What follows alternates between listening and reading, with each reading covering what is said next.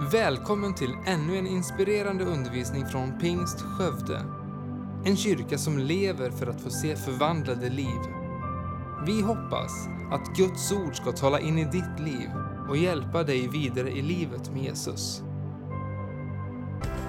Vill du veta mer om vår kyrka eller komma i kontakt med oss så besök gärna vår hemsida www.skövdepingst.se om du har din bibel med dig så får du gärna slå upp den till femte Mosebok. Femte Mosebok, det trettionde kapitlet. Och den nittonde versen så ska vi läsa en väldigt, väldigt intressant vers. Någonting som Moses säger i slutet utav sin 120-åriga levnad. Men innan vi läser detta så låt oss be tillsammans. Fader Gud, i Jesu namn, vi ber till dig att du nu öppnar ditt ord för oss, att du gör det levande. Jag ber att jag ska kunna tala som jag bör, jag ber också att vi ska kunna lyssna som vi bör. Väck upp våra öron just nu, vart vi än kommer ifrån, vad vi än har varit med om den här veckan. Jag ber att du väcker våra öron just nu till att lyssna på lärjungars sätt. Jag ber att du ska visa oss, tala till oss, led oss. Vi vill möta dig just nu genom ditt ord. I Jesu namn. Amen. Då står det följande i femte Mosebok 30 och vers 19. Um, ehm, jag tar idag himmel och jord till vittne mot er att jag har förelagt dig liv och död, välsignelse och förbannelse. Välj då livet för att du och dina efterkommande må leva. Fatta rätt beslut, säger Mose, helt enkelt. Och det är mitt tema idag. Jag har beslutat. Och för att riktigt förstärka temat så satte jag på mig en fin t-shirt. Och en del som tänkte att jag skulle bli döpt idag. Men jag hade ett annat syfte med eh, att ha denna fina t-shirt på mig. Jag har beslutat.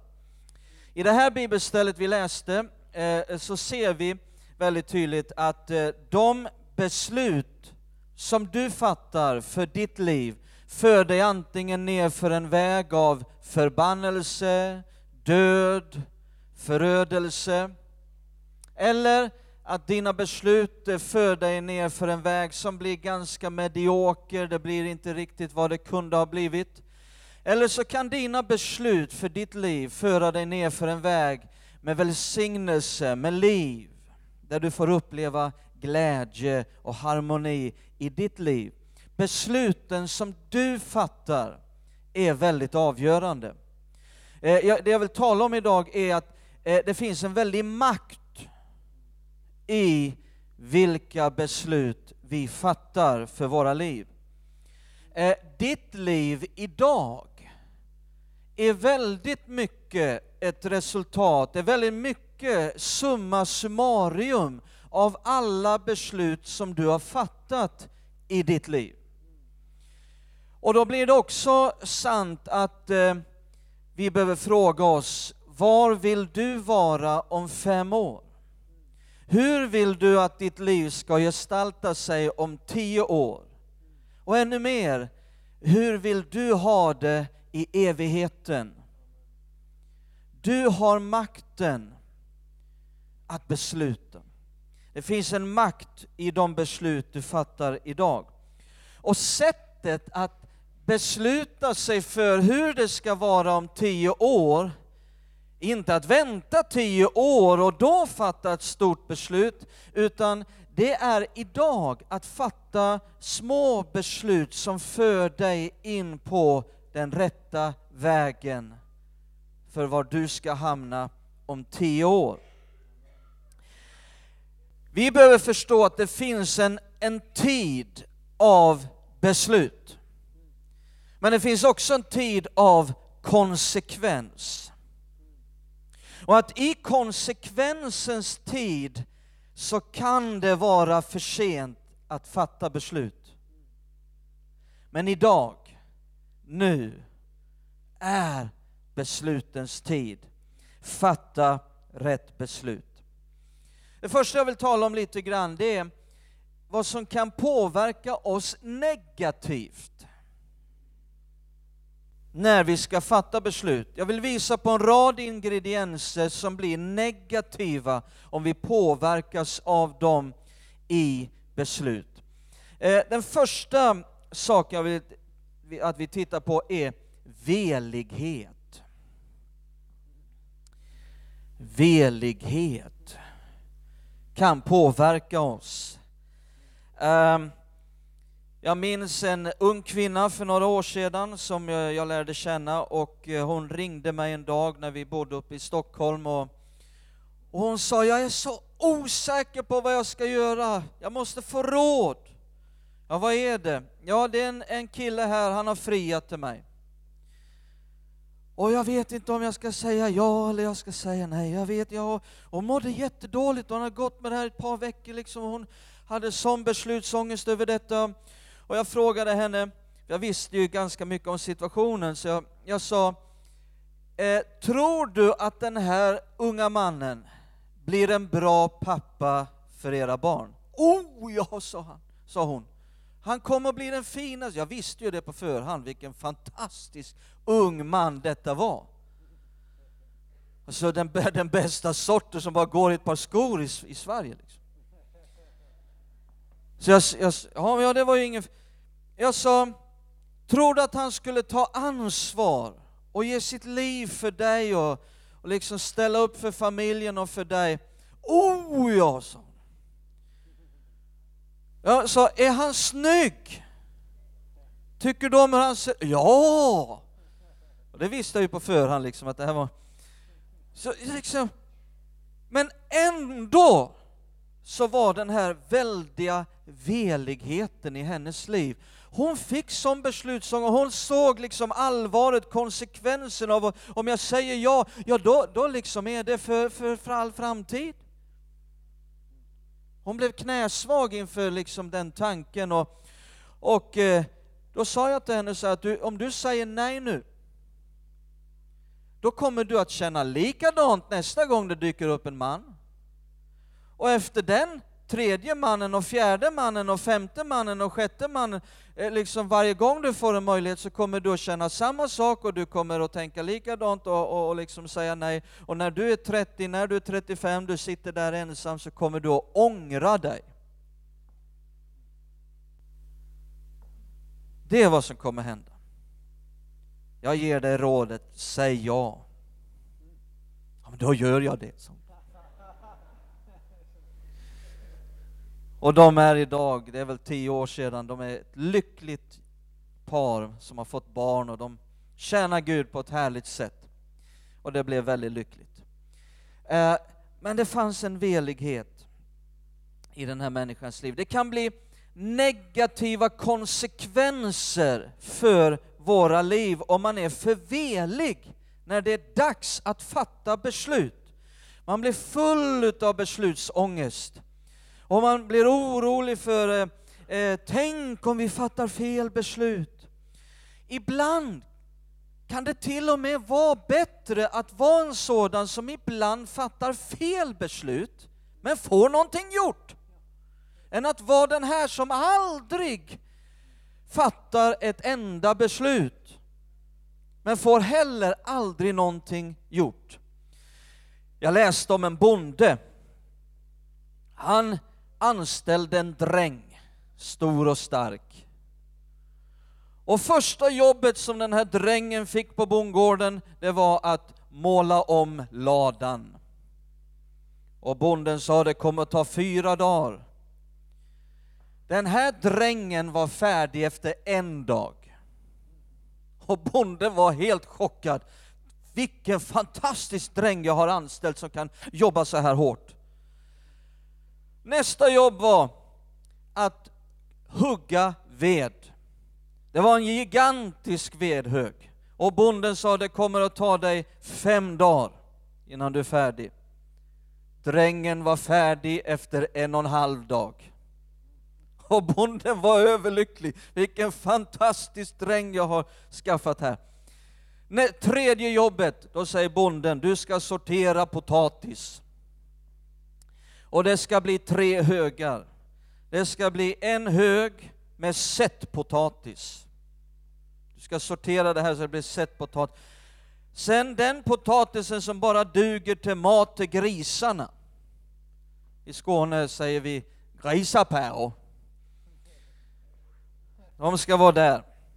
Och sen en tredje, de, den potatis som är tillräckligt bra för att sälja lägger du där. Och det är inte så mycket eh, stor hög här, sa bonden, va? så att eh, du kommer vara färdig här på efter en dag. Eller bonden sa det kommer till och med, det tar bara två timmar. Det tar bara två timmar det här. Kommer gå jättefort. Mot slutet av dagen då kommer bonden tillbaka och drängen har knappt börjat. Och bonden tänker, vad är det frågan om? Ja, drängen sa, jag kan arbeta hårt, men jag klarar inte av att fatta beslut. Det hade knappt hänt någonting. Och så kan det vara när veligheten infinner sig. Inför ett beslut så är det naturligtvis väldigt bra att ha ett öppet sinnelag. Att tänka i alla möjliga riktningar, att väga in så många fakta som möjligt, att tänka sig värsta scenario, bästa scenario. Men ett öppet sinnelag är bara bra om det sen kan stängas till för beslut. Och sen agera och fullfölja. Hela församlingar Hela ledarskap för församlingar kan drabbas av velighet och beslutsångest. Det finns församlingar i, i Sverige där, där man, man har inte demokrati, det vill säga att majoriteten bestämmer. Man vill helst att alla ska tycka likadant innan man fattar ett beslut. Det är ju inte demokrati, det är någonting annat. Och är det en som opponerar sig så blir man rädd och tänker det är bäst att vi bordlägger detta tills alla är överens. Ja, en sån församling, det är ju självklart, kommer inte att få väldigt mycket gjort heller.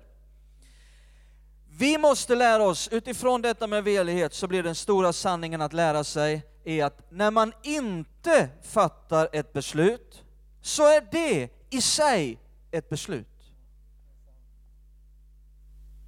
Nästa sak som kan påverka oss negativt är fruktan. Titta i första Mosebok 26. Första Mosebok 26. Så läser vi från vers 1 till vers 3. Det handlar om Isak, Abrahams son.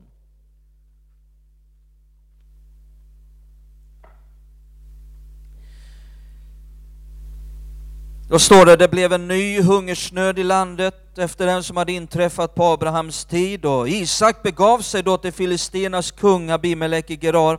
Då uppenbarade Herren sig för honom och sa, drag inte ner till Egypten utan bo kvar i det land som jag säger dig.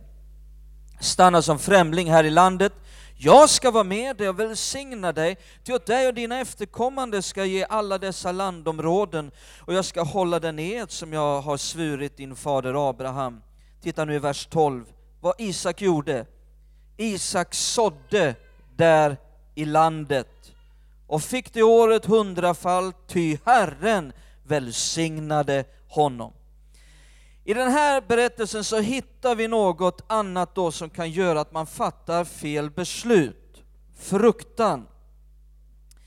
Det var hungersnöd i landet, skördarna slog fel, människor svalt, och i detta så bestämde sig, beslöt Isak att flytta till Egypten. För han var rädd för vad som annars skulle kunna hända honom och hans familj.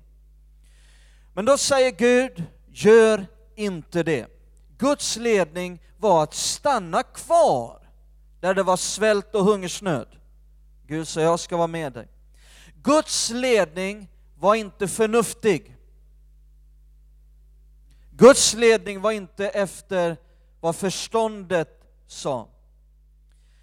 Det vill säga, om du är motiverad av fruktan när du ska fatta beslut, så kommer du inte att klara av att följa Guds ledning. Är du ledd av fruktan eller är du ledd av Gud?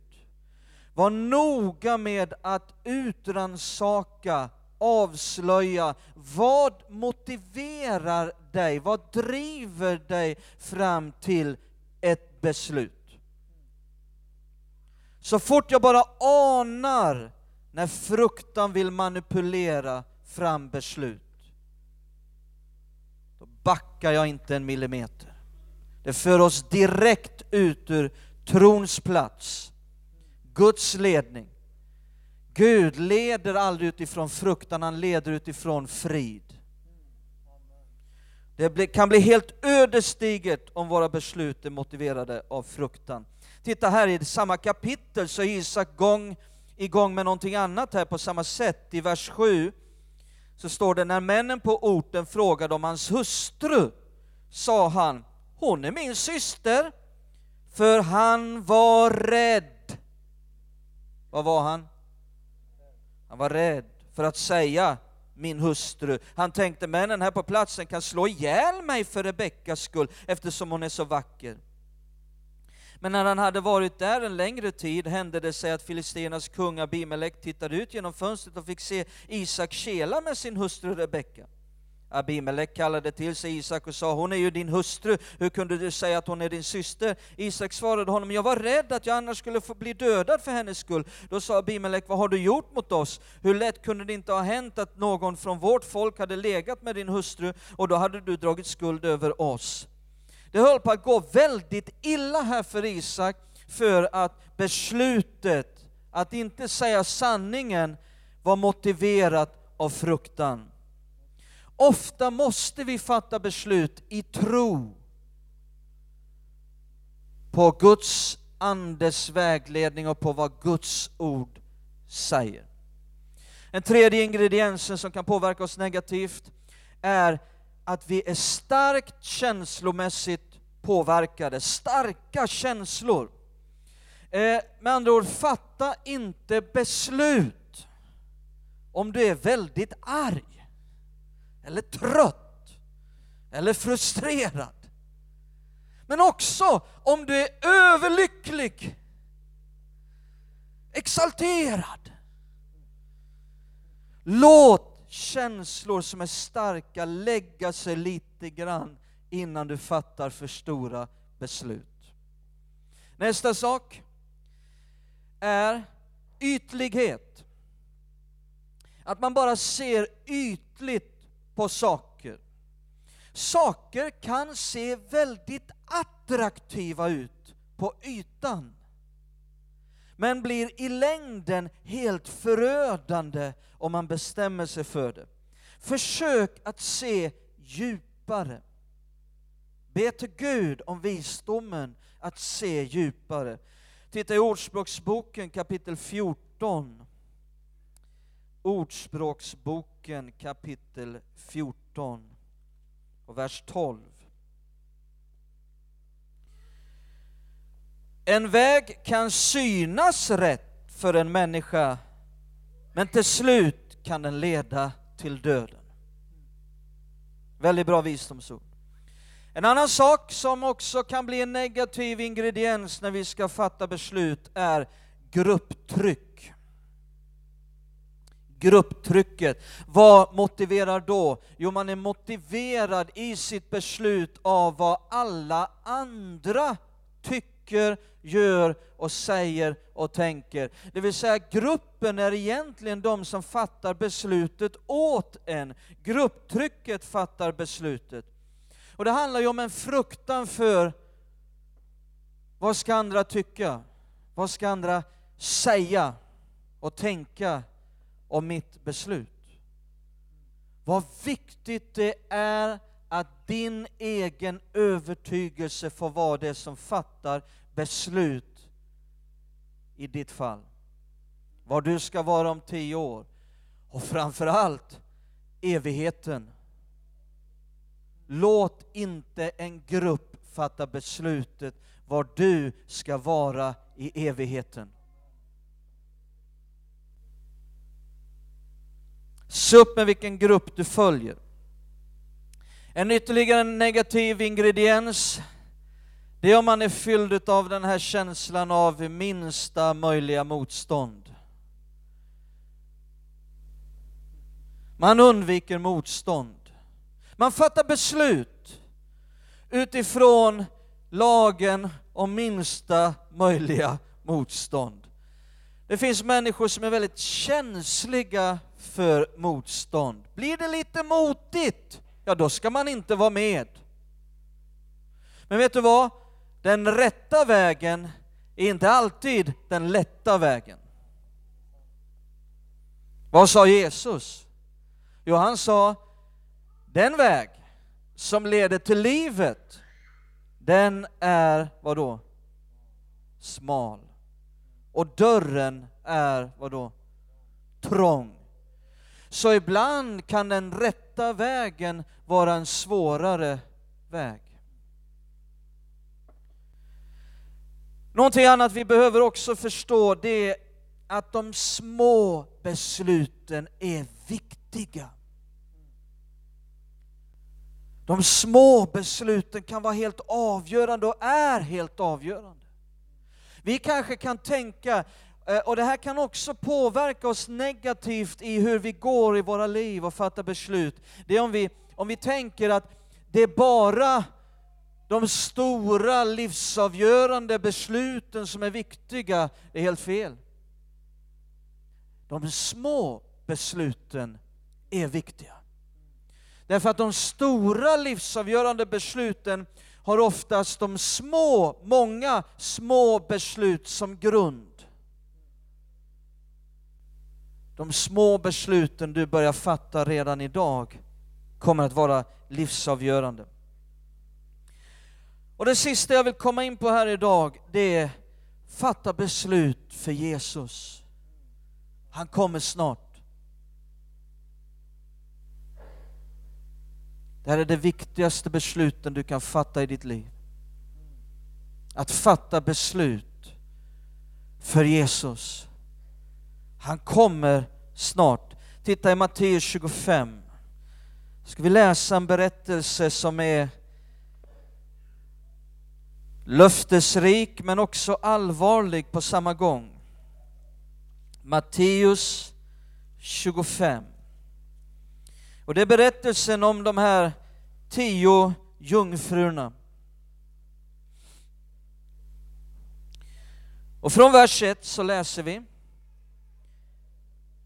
Då ska himmelriket liknas vid tio jungfrur, säger Jesus. Det är Jesus som undervisar och talar.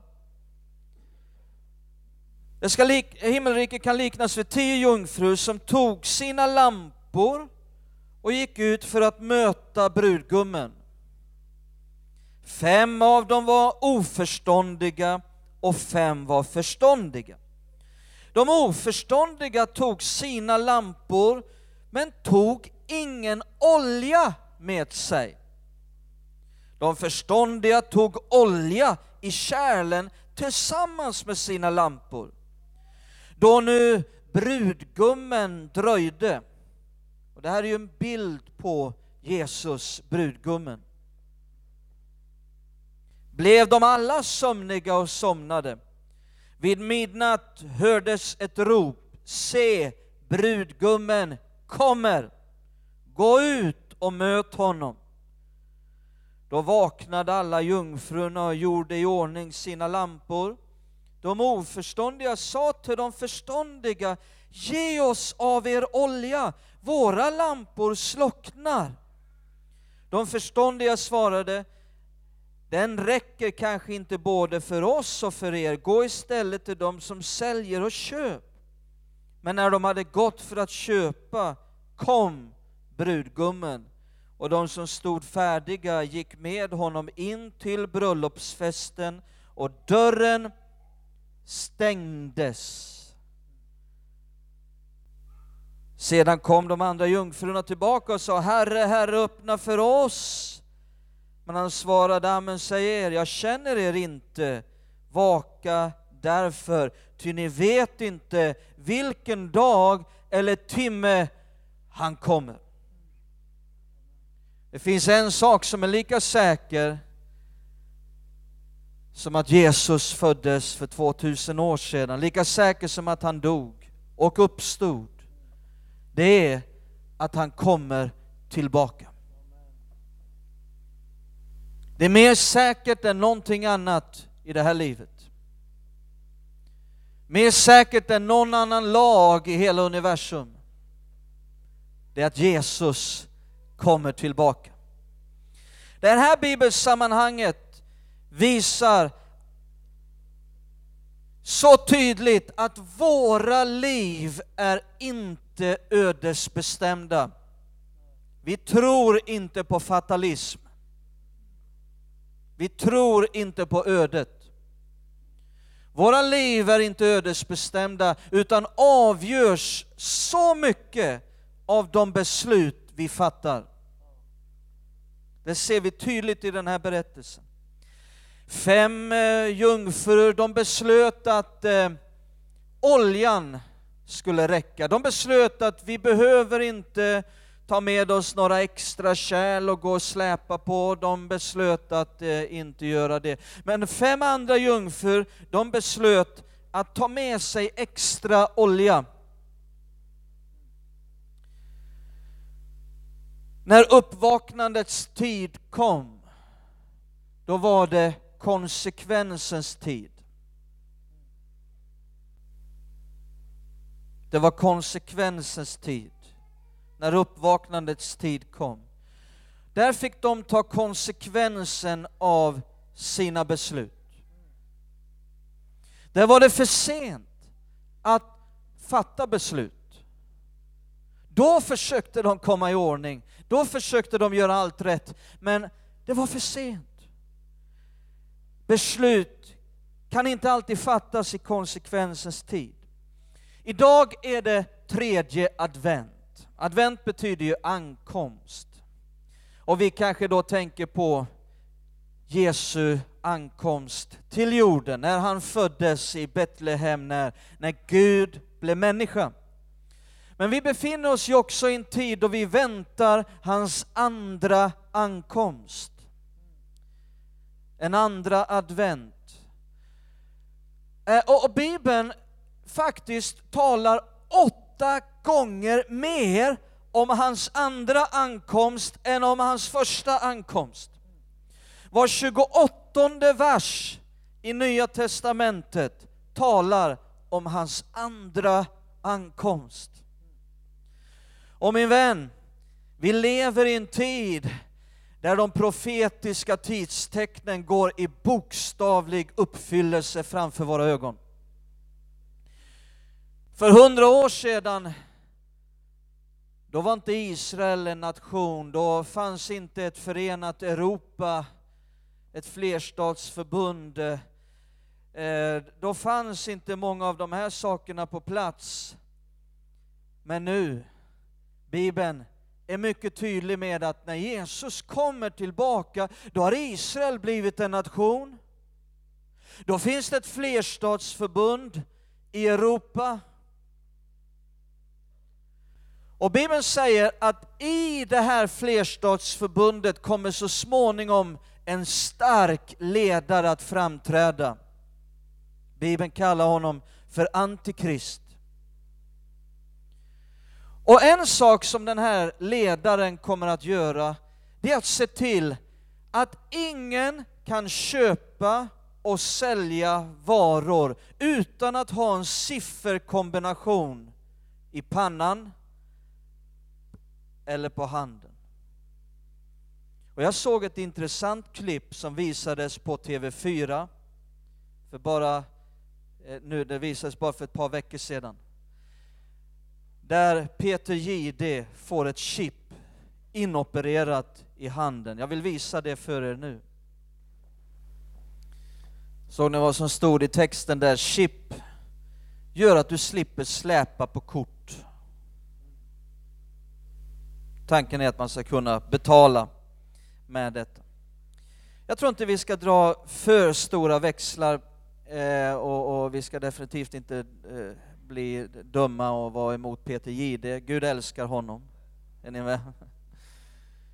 Men vad vi kan se, det är att scenen, plattformen börjar läggas väldigt tydligt för att det som Bibeln har talat om i 2000 år kommer att ske. Redan för 30 år sedan talade de kristna om att eh, jag blev frälst 86 och redan då talade man om att ni ska få se en dag man kommer operera in chip i handen. Det var medan vi fortfarande sprang, sprang omkring med bara kontanter. Eh, inte ens kortanvändningen var så väldigt utbredd, eller hur var, hur var det på 86? Jag hade inget kort i alla fall. Nej, inte Dan heller. Och sen eh, liksom började kortanvändning och nu har man kommit på, ja det finns ett fiffigt sätt, vi behöver, vi, vi behöver inte nycklar, vi behöver inte kort, vi, vi kan bara ha ett chip i handen. Ser ni, det är inte några tomtenissar långt upp i, i, i norra Norge som liksom tänker på det här, utan det, det är på TV4 min vän. Är ni med? Den här tanken är väldigt väl utbredd nu. Att det här är en genialisk idé. Scenen börjar läggas. Jesus kommer snart. De bibliska profetiorna går i bokstavlig uppfyllelse framför våra ögon.